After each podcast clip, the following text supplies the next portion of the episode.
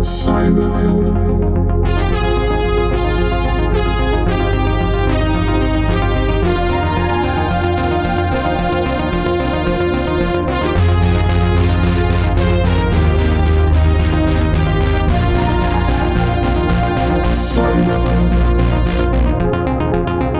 Welkom bij weer een nieuwe aflevering van Cyberhelden. De podcast waarin ik in gesprek ga met een gast die zich bezighoudt met de digitale dreiging. Mijn naam is Ronald Prins en deze keer praat ik met een zeer bijzondere cyberheld genaamd Ronald van der Knijf. Hij werkt voor het Nederlands Forensisch Instituut. Welkom Ronald. Dankjewel, leuk om hier te zijn. Ja, uh, zeker leuk, want wij kennen elkaar al, al heel lang. Uh, ik ben in 95 ooit begonnen bij het NFI, ja. toen nog rechtelijk laboratorium. Ik in 96, dus ja, 96, uh, ja. ruim 25 jaar inmiddels. Ja, ik weet nog dat je binnenkwam en uh, ja, we deden toen uh, gave zaken.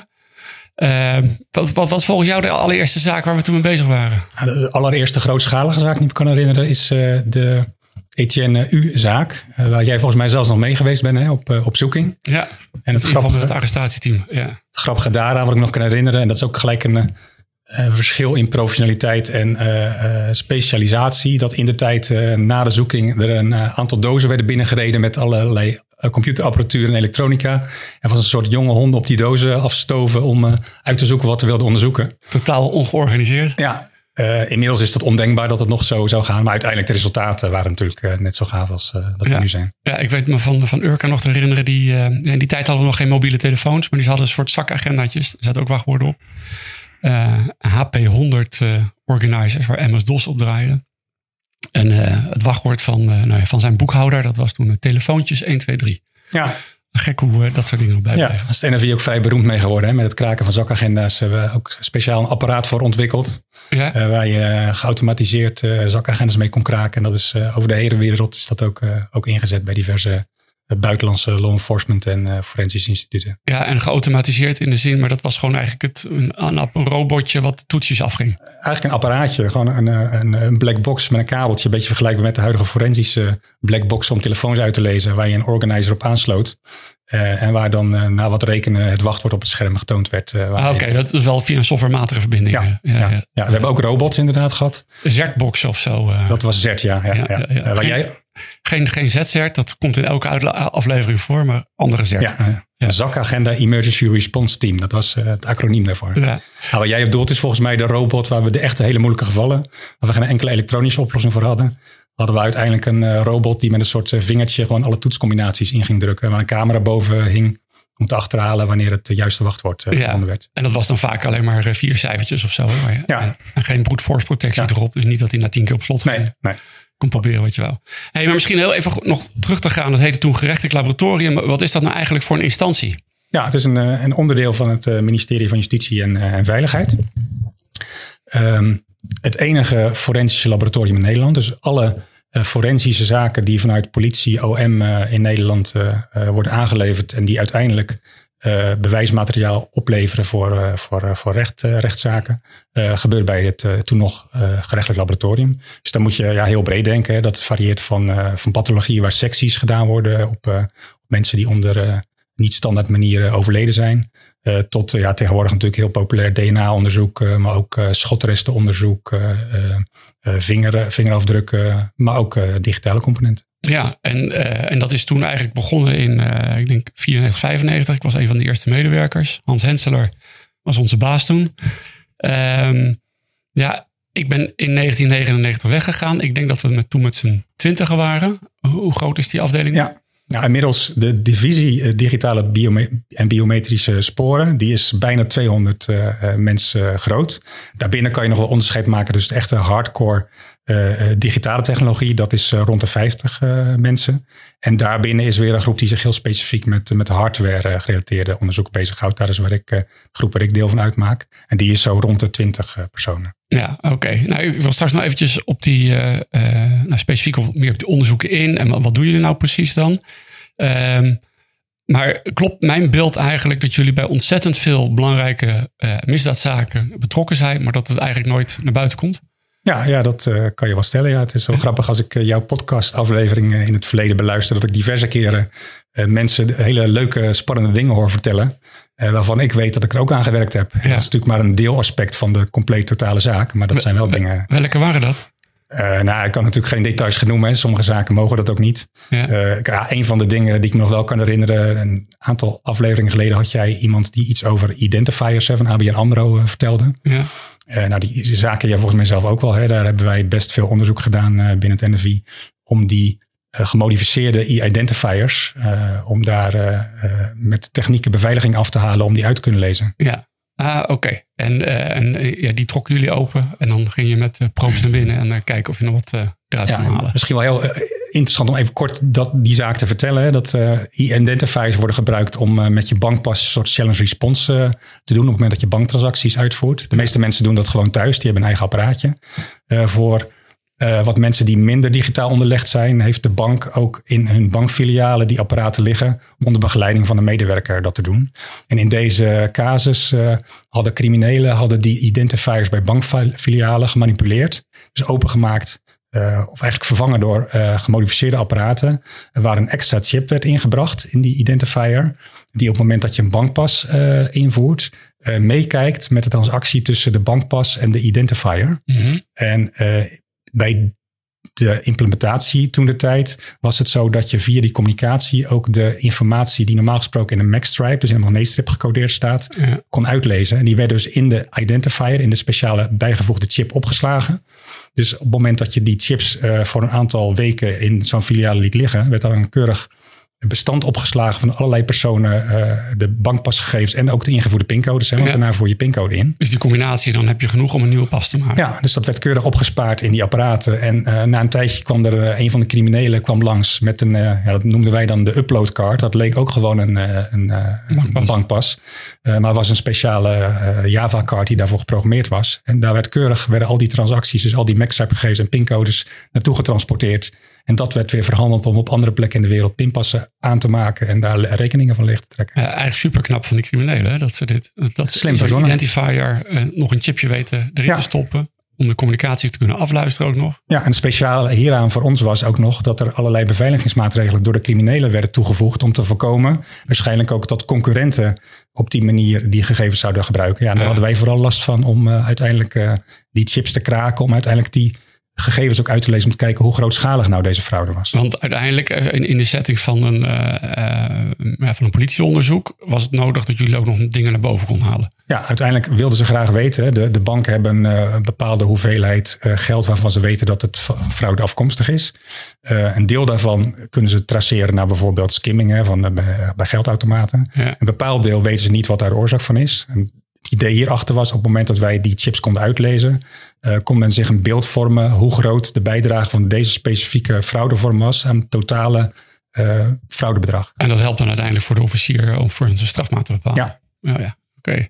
En uh, ja, zijn dat uh, mensen die dat gedaan hebben, hadden die eigenlijk net zo goed bij jou op de afdeling kunnen werken? Zijn ze dan zo handig dat ze ja, voldoende capaciteit ja, hebben. Nou ja, achteraf zou dat natuurlijk beter zijn geweest als ze in een iets eerder stadium uh, hadden gekozen om uh, het soort werk te doen wat wij doen. Want de skills zijn uiteindelijk hetzelfde. Ja, kom je nog, kom je nog eens, dit zou je dan zeg maar meer de hardware hackers kunnen noemen. Kom je nog eens vaker hardware hackers tegen?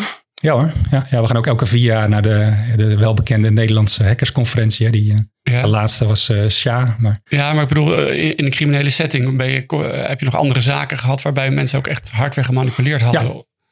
Dat is al dan weer wat langer geleden. We hebben, nou, dat was toen ik net bij het NFI werkte, hebben we vrij grootschalige telefoonkaartfraude gehad in Nederland. Met oh kaarten om in telefooncellen te bellen. Ja. Nou, daar waren ook inderdaad hardwarehackers bij betrokken. Ja, jij was ook binnengehaald bij het NFI vanwege uh, smartcards volgens mij. Ja, dat was toen in, in, nou ja, in 95 dus uh, was er de angst van de crypto. Die is nu nog steeds.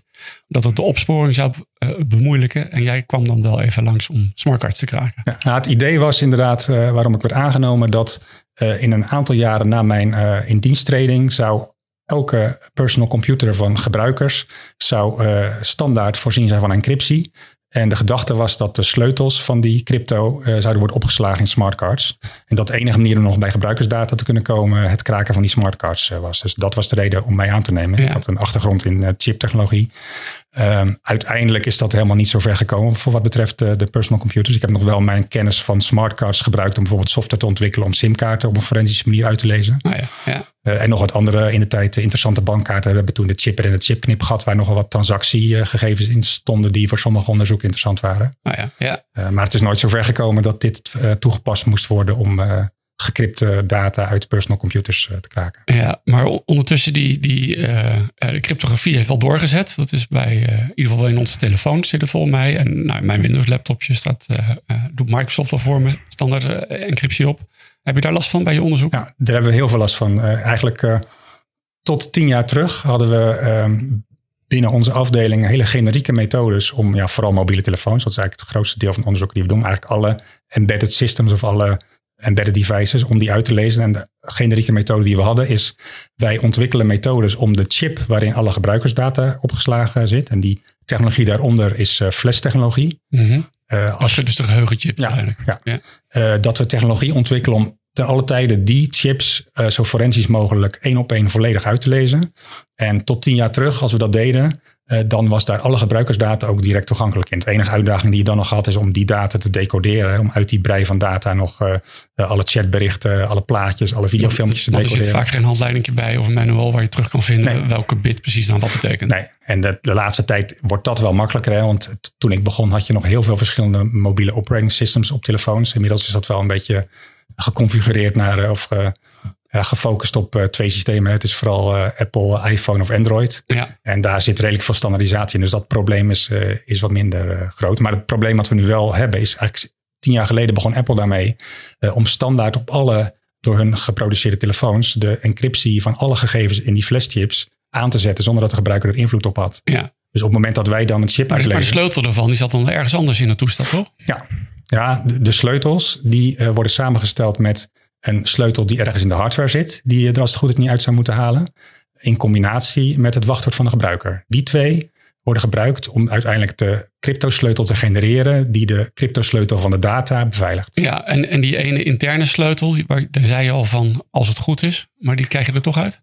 Nou, dat is natuurlijk de uitdaging die wij hebben om, uh, om te proberen die sleutels eruit te halen. Ja, maar lukt dat nu? Dat lukt soms wel en dat lukt soms niet. Ja, ja, oké. Okay. En uh, wat voor een telefoon heb je zelf? Uh, dat vragen heel veel advocaten mij ook. En ja. daar doe ik geen uitspraken over. Oh, ja, ik zag het net, maar goed. Oké. Okay. Um, maar uh, ja, ja, dit zit, zit tegen. Aan de andere kant, ik lees regelmatig dat jullie toch wel weer uh, telefoons weten te kraken en binnen weten te komen. Want hoe doe je dat nu dan? Ja, nou, misschien heel. Ja, met de introductie van de, van de crypto uh, zijn we eigenlijk afgestapt van die generieke methoden die, die weinig zin hebben. wat je dan gaat doen is zoeken naar kwetsbaarheden. Uh, en dat zijn, ja, dat zijn kwetsbaarheden in software, voornamelijk in combinatie met, met hardware technieken. het probleem daarmee is dat die voor elke telefoon anders zijn. Maar, maar even dat, dat iedereen dat begrijpt, dan probeer je, weet ik veel, via een USB-ingang van zo'n toestel wat data tegenaan te gooien en dan opeens heb je, is die open? Nou, je begint met inderdaad mogelijk via USB-toegang toegang te krijgen tot het geheugen. Dat je bijvoorbeeld kan lezen en schrijven in het geheugen. Nou, dan heb je nog steeds niks. Hè, want maar als, als je mijn toestel, als je mij nu, uh, als ik word aangehouden door de politie, mijn toestel staat aan dan. Ja. Dan komt hij heel snel bij jou. Gaat volgens mij ook nog in een doosje om te zorgen dat ik hem niet op afstand kan wisselen. Ja, klopt.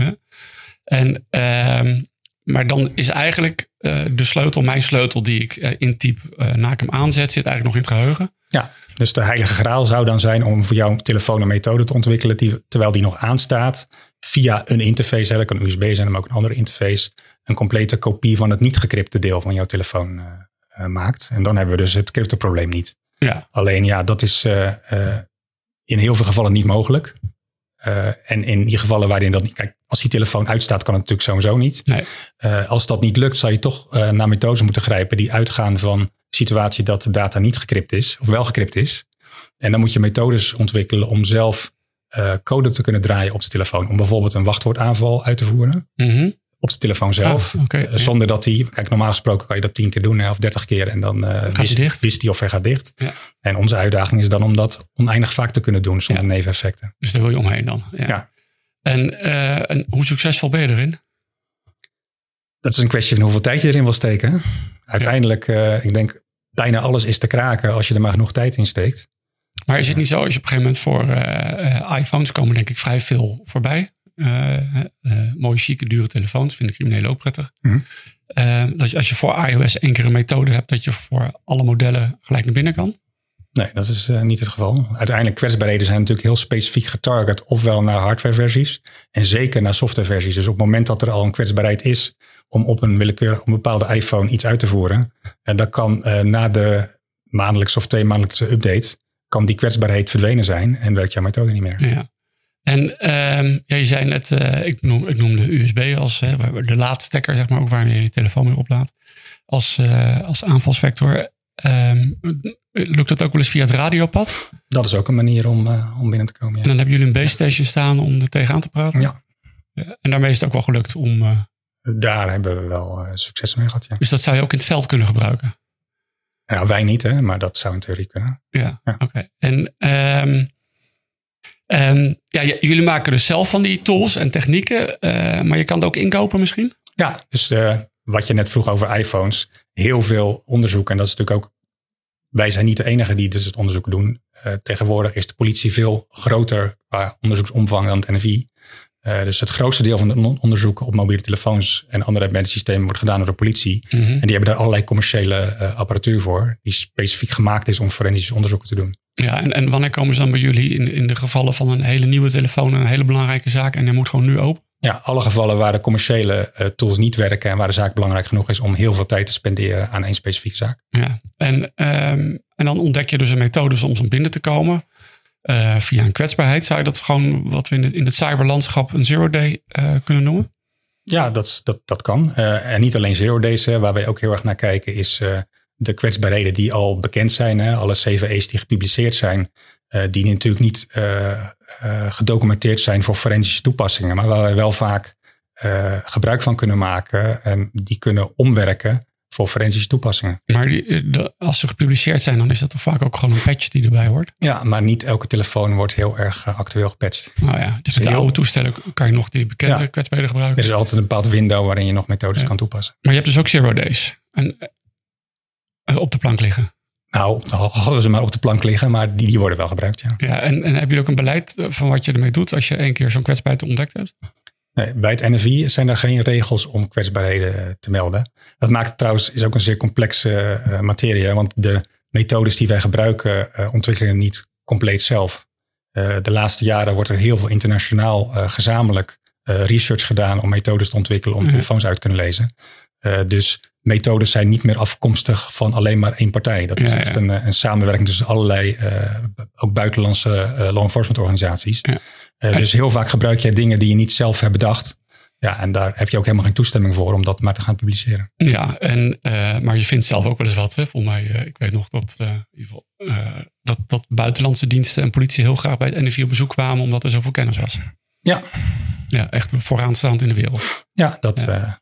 Is nog steeds zo. Maar ik moet wel zeggen dat er inmiddels ook wel heel veel andere landen zijn die hun ja. kennis enorm We liepen hier wel voor. Ja. ja. En um, nou ja, als je dit nu doortrekt, hè, die, die, die telefoons, de, de politie heeft natuurlijk heel veel last van uh, dat uit de taps niet zoveel meer komt. Hè. Uh, eerst was het omdat alles via chats ging en de data te tappen was moeilijk. Uh, nou, toen lukte dat. Toen kwam opeens die vervelende encryptie weer, end-to-end encryptie zelfs. Dus uit de taps halen ze niks. Um, is dat ook iets waar jullie mee bezig zijn om met getapte data wat te doen? Nee, wij zijn zelf niet betrokken bij uh, getapte data. Waar wij wel bij betrokken zijn is bij de uh, discussie, de, de, actuele discussies uh, over end-to-end encryptie en in het algemeen over de problemen die er zijn om ook zowel in opgeslagen data, maar ook in stromende data nog bij informatie te komen die, die volledig versleuteld is. Oké, okay, en op, op, wat voor manier zijn jullie betrokken? Je, je, geeft advies dan aan justitie? Ja, er is op dit moment een vrij actuele discussie naar aanleiding onder andere van, van Europese uh, richtlijnen of eigenlijk de intentie om Europees onderzoek te doen uh, naar uh, mogelijkheden om end-to-end encryptie, om daar toch nog bij te kunnen komen. Ja. En wij bij het NFI zijn eigenlijk heel erg een voorstander om die discussie zo open mogelijk te voeren met zoveel mogelijk partijen. Ja, ja en dat, dat proberen we ook te stimuleren. En jij probeert dus vanuit de zijde, vanuit de overheidszijde, constructief mee te denken hoe zou je dat nou kunnen inregelen zonder dat het nadelen heeft voor iedereen? Ja, en ook argumenten te geven. Wat ik merk in de discussies is dat de, vooral de mensen die heel erg tegen uh, inspanningen zijn op dit gebied, uh, dat die niet, niet goed geïnformeerd zijn uh, over alle aspecten. die weten misschien wel wat de nadelen zijn van het van ja, middel om toch bij individuele gebruikers nog bij hun data te komen die gecrypt is. Maar die weten niet bijvoorbeeld wat voor soort methodes op dit moment gebruikt worden door de politie in commerciële apparatuur. En wat dat voor kwetsbaarheden oplevert voor alle burgers. misschien moet je dat nog even beter uitleggen. Ja. Um, Celebrite. Bijvoorbeeld, maar er zijn ook andere fabrikanten hè, die, uh, die voorheen uh, één product hadden wat aan de politie verkocht werd. Inmiddels is daar een soort uh, drie lagen model in, hè, waarbij je nog steeds een standaard product hebt. Maar ook een veel duurder product waar echt days in zitten, wat ook een betere bescherming heeft. Ja. Waar je ook veel meer voor moet betalen. Daar zitten zero days in, die in principe voor elke telefoon, voor, tenminste voor elk telefoon van een bepaald merk en type uh, van toepassing zijn. Uh, dus in principe zijn alle telefoons van alle burgers op die manier kwetsbaar. Ja. Terwijl als je een manier zou verzinnen. Maar dat is, dat is pas, dat zijn kwetsbaarheden waar je wat aan hebt als je een telefoon fysiek in handen hebt. Dat heeft niks met afluisteren te maken. Ja. Ja. Nou, groot is natuurlijk niet helemaal waar, want dat soort kwetsbaarheden zijn vaak ketens uh, van kwetsbaarheden. Ja, ja. En uh, als je op een, manier, op een andere manier al via een netwerk ergens een telefoon in kan komen, kan een ander deel van die kwetsbaarheden wel weer je, ervoor zorgen dat je toegang krijgt tot de data. Ja, via het radiopad wat ik net uh, bijvoorbeeld vroeg. Ja, ja. En uh, oké, maar daar zitten dus kwetsbaarheden in. En er zijn dus bedrijven die, die, nou ja, die hebben er een handel omheen. Die verkopen het dan aan iedereen zo'n beetje. Uh, ook regimes waar we niet zo blij van worden. Er ontstaat eigenlijk een industrie waarin zero days heel veel geld waard zijn. En waar ze ook niet gepubliceerd moeten worden omdat ze geld waard zijn. Ja, en daar wordt eigenlijk de telefoons van alle mensen onveiliger door. Ja, en, uh, maar heb jij dan een, een, een, constructie voor ogen hoe je het wel goed zou kunnen doen? Nou, wij willen vooral dat het um, goed uitgezocht wordt. Hè, dat de criteria worden opgesteld om te beoordelen wat nou de gevolgen zijn voor de privacy, voor de, voor de security en voor de safety. Uh, als je die criteria hebt, kan je dus oplossingen beoordelen ten opzichte van die drie aspecten. Mm Dan mhm. kan je afwegen wat er nou beter is voor uh, security of voor privacy. Uh, dit soort black box oplossingen waar die kwetsbaarheden in aanwezig zijn. Okay. Of misschien een bepaald mechanisme voor een specifiek target na toetsing door een rechtercommissaris. Ja. Een bepaalde veranderingen aan te brengen om toch nog bij je data te kunnen. En, en eigenlijk vind jij dat de discussie nou niet goed, goed gevoerd wordt, omdat mensen soms, misschien vanuit onkunde of vanuit activistisch gedachtegoed misschien uh, gelijk met uh, in de weerstand gaan zodra je zegt we moeten toch iets gaan kijken of er iets van een, nou ja, wat zij dan een achterdeurtje noemen, gecreëerd zou kunnen worden. Ja, ik denk dat het vooral gebrek aan informatie is. Die mensen zijn gewoon niet volledig geïnformeerd. misschien een voorbeeld als ik daar een voorbeeld van kan noemen. Ja. Recent was er een uh, symposium naar aanleiding van de evaluatie van de WIF. Hè. Daar heb jij volgens mij ook nog deel van uitgemaakt of ja. ingebeld. Daar werd door um, Bart Jacobs een vraag gesteld aan de directeur van MIVD, dacht ik. Ja. En met betrekking tot CC3-wetgeving. En zijn vraag was... De hekwetgeving ja, de politie. Dat is vaak nu een argument van de tegenstanders van dit soort initiatieven om andere dingen uit te zoeken. we hebben toch de CC3, dus we hebben toch al wat. Ja. En um, Bart Jacobs vroeg terecht, denk ik, van uh, hoe effectief is nou die CC3-wetgeving uh, uh, en hoe snel kan je op het moment dat er iets urgents is met CC3 bij data? Nou, daar kwam eigenlijk ja, daar kwam een antwoord op van juridisch kunnen we het heel snel regelen, maar iedereen die een beetje verstand heeft van, van hacking en exploit development weet, op het moment dat jij uh, op dit moment een target krijgt. Je krijgt een merk en type telefoon met de vraag van we willen nu daar ja. met een hack in kunnen komen. Kan je gewoon niet garanderen wanneer dat lukt. Dat kan binnen één dag zijn dat je geluk hebt. Je kan ook twee jaar bezig zijn. Ja. Sterker nog, als het gelukt is, uh, kan er na één dag kan er een security update komen en hij werkt niet meer. Ja. Dus de CC3 is niet in alle gevallen van toepassing op het moment dat je snel iets wil en er is iets heel urgents. Uh, is maar, die CC3-wetgeving. Maar, maar, hoe zie jij nou voor ogen hoe je wel ehm, laat ik dan toch maar dat achterdeurtje noemen, zou kunnen erin zetten. Waarbij je ook tegemoet komt aan alle angsten die mensen hebben, hoe dat misbruikt zou kunnen worden. Ja, nou, ik zou graag zien dat eh, de academische wereld, en zeker cryptografen, daar eens heel goed over nadenken. En niet zomaar. Maar kom je niet altijd uiteindelijk ook bij punten die buiten die harde techniek zitten? Hè? Want uh, ik kan me dingen voorstellen dat je, als het over WhatsApp gaat, dat zijn nu end-to-end gesprekken tussen jou en mij. Maar er zou ook een derde partij toe, toe kunnen voegen. En dat zou dan de overheid zijn. Ja. En uh, die mag die sleutel alleen maar gebruiken als de rechtercommissaris toestemming heeft gegeven. Uh, om, om dat gesprek wat dan afgetapt is, ernaar te kijken. Maar dan, dan, krijg je wel vraagstukken nog van dit moet dus dan ingebouwd worden in alle telefoons, die er, alle Androids en alle, uh, alle iPhones van Apple.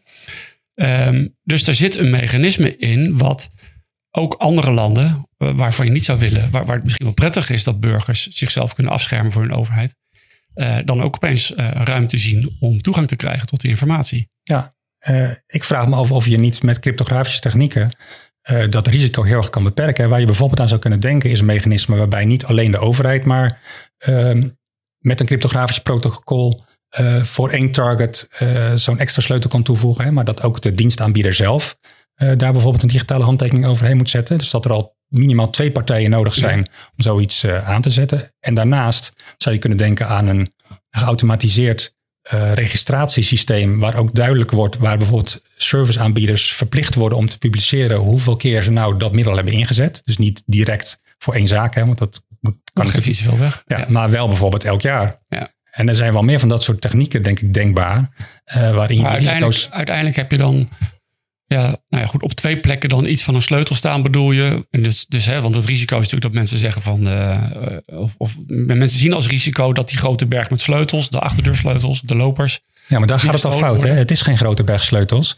Er wordt alleen maar, als er één specifieke dreiging is, na toetsing van de rechtercommissaris, voor één specifiek target, vanaf het moment van toetsing tot een bepaalde periode. En die periode lijkt mij, eh, zou ik heel kort kiezen. Hè? Bijvoorbeeld Ja. eh, voor een maand. Dat wordt nu ook gedaan met taplasten. Hè? Voor Ja. een maand eh, ga je een sleutel maken die een maand geldig is, alleen maar voor die specifieke target. Maar die sleutel moet in dat toestel gemaakt worden. Dus Die- als je in dat toestel iets hebt draaien wat mee kan kijken dat die specifieke sleutel gemaakt wordt, dan zie je dat je onder de tap staat. Die sleutel moet toegevoegd worden. Ja, Dus dat- nou goed, dat moet dus iets in dat toestel gebeuren als je Ja. onder de tap komt. Ja. Dat geeft dus dan toch weg aan die crimineel van eh, dat hij mogelijk getapt wordt. Nou, dat, dat mechanisme, dat zou je kunnen uitschakelen. Als er aan alle voorwaarden voldaan is. Ja, nou ja, goed. We moeten hier niet te lang blijven hangen, maar ik, ik zie ook. Maar Ik uiteindelijk. zeg is- ook niet dat dit de oplossing is, hè, maar je oproep is uiteindelijk natuurlijk van eh, we moeten daar wat serieuzer naar kijken en echt kijken of er toch niet een oplossing te vinden is die voor alle partijen acceptabel is. Ja, en vooral beginnen met eh, die, die kwantificeerbare, eh, eh, het kwantificeren van security en safety en privacy. Om af te kunnen wegen of die oplossingen die er mogelijk geschetst worden, eh, wat die nou doen ten opzichte van security en privacy. Ja. En dat leggen naast de huidige methodes en ook de ontwikkeling die nu is met al die black box en zero-day oplossingen. Ja, oké. Ehm, ondertussen is het probleem misschien niet zo groot, want eh, ik hoor achter elkaar verhalen dat de politie in staat is die cryptotelefoons van de criminelen gewoon te kraken. Ja, dat is een, ander argument eh, wat je vaak hoort. En, eh, en ik moet zeggen, er zijn natuurlijk wel een aantal succesverhalen recent. Hebben jullie er ook een rol in gehad? EncroChat bijvoorbeeld? Daar, wij zijn ook met EncroChat toestellen bezig. Hè. Wij, wij zijn met alle toestellen bezig die, die een probleem vonden. ja. Ehm, Dus dat zijn dan toestellen die bij een crimineel in beslag genomen zijn. Die zouden eigenlijk supergoed beveiligd moeten zijn. Maar ook daar weet je dan die chats door uit te halen. ja, ehm, het argument bij EncroChat, hè, want het nu, wordt nu vaak gezegd van ja, jullie kunnen toch als eh, politie eh, eh, Europa EncroChat kraken. Dat moet je denk ik ook even nuanceren. EncroChat is al opgekomen in 2017.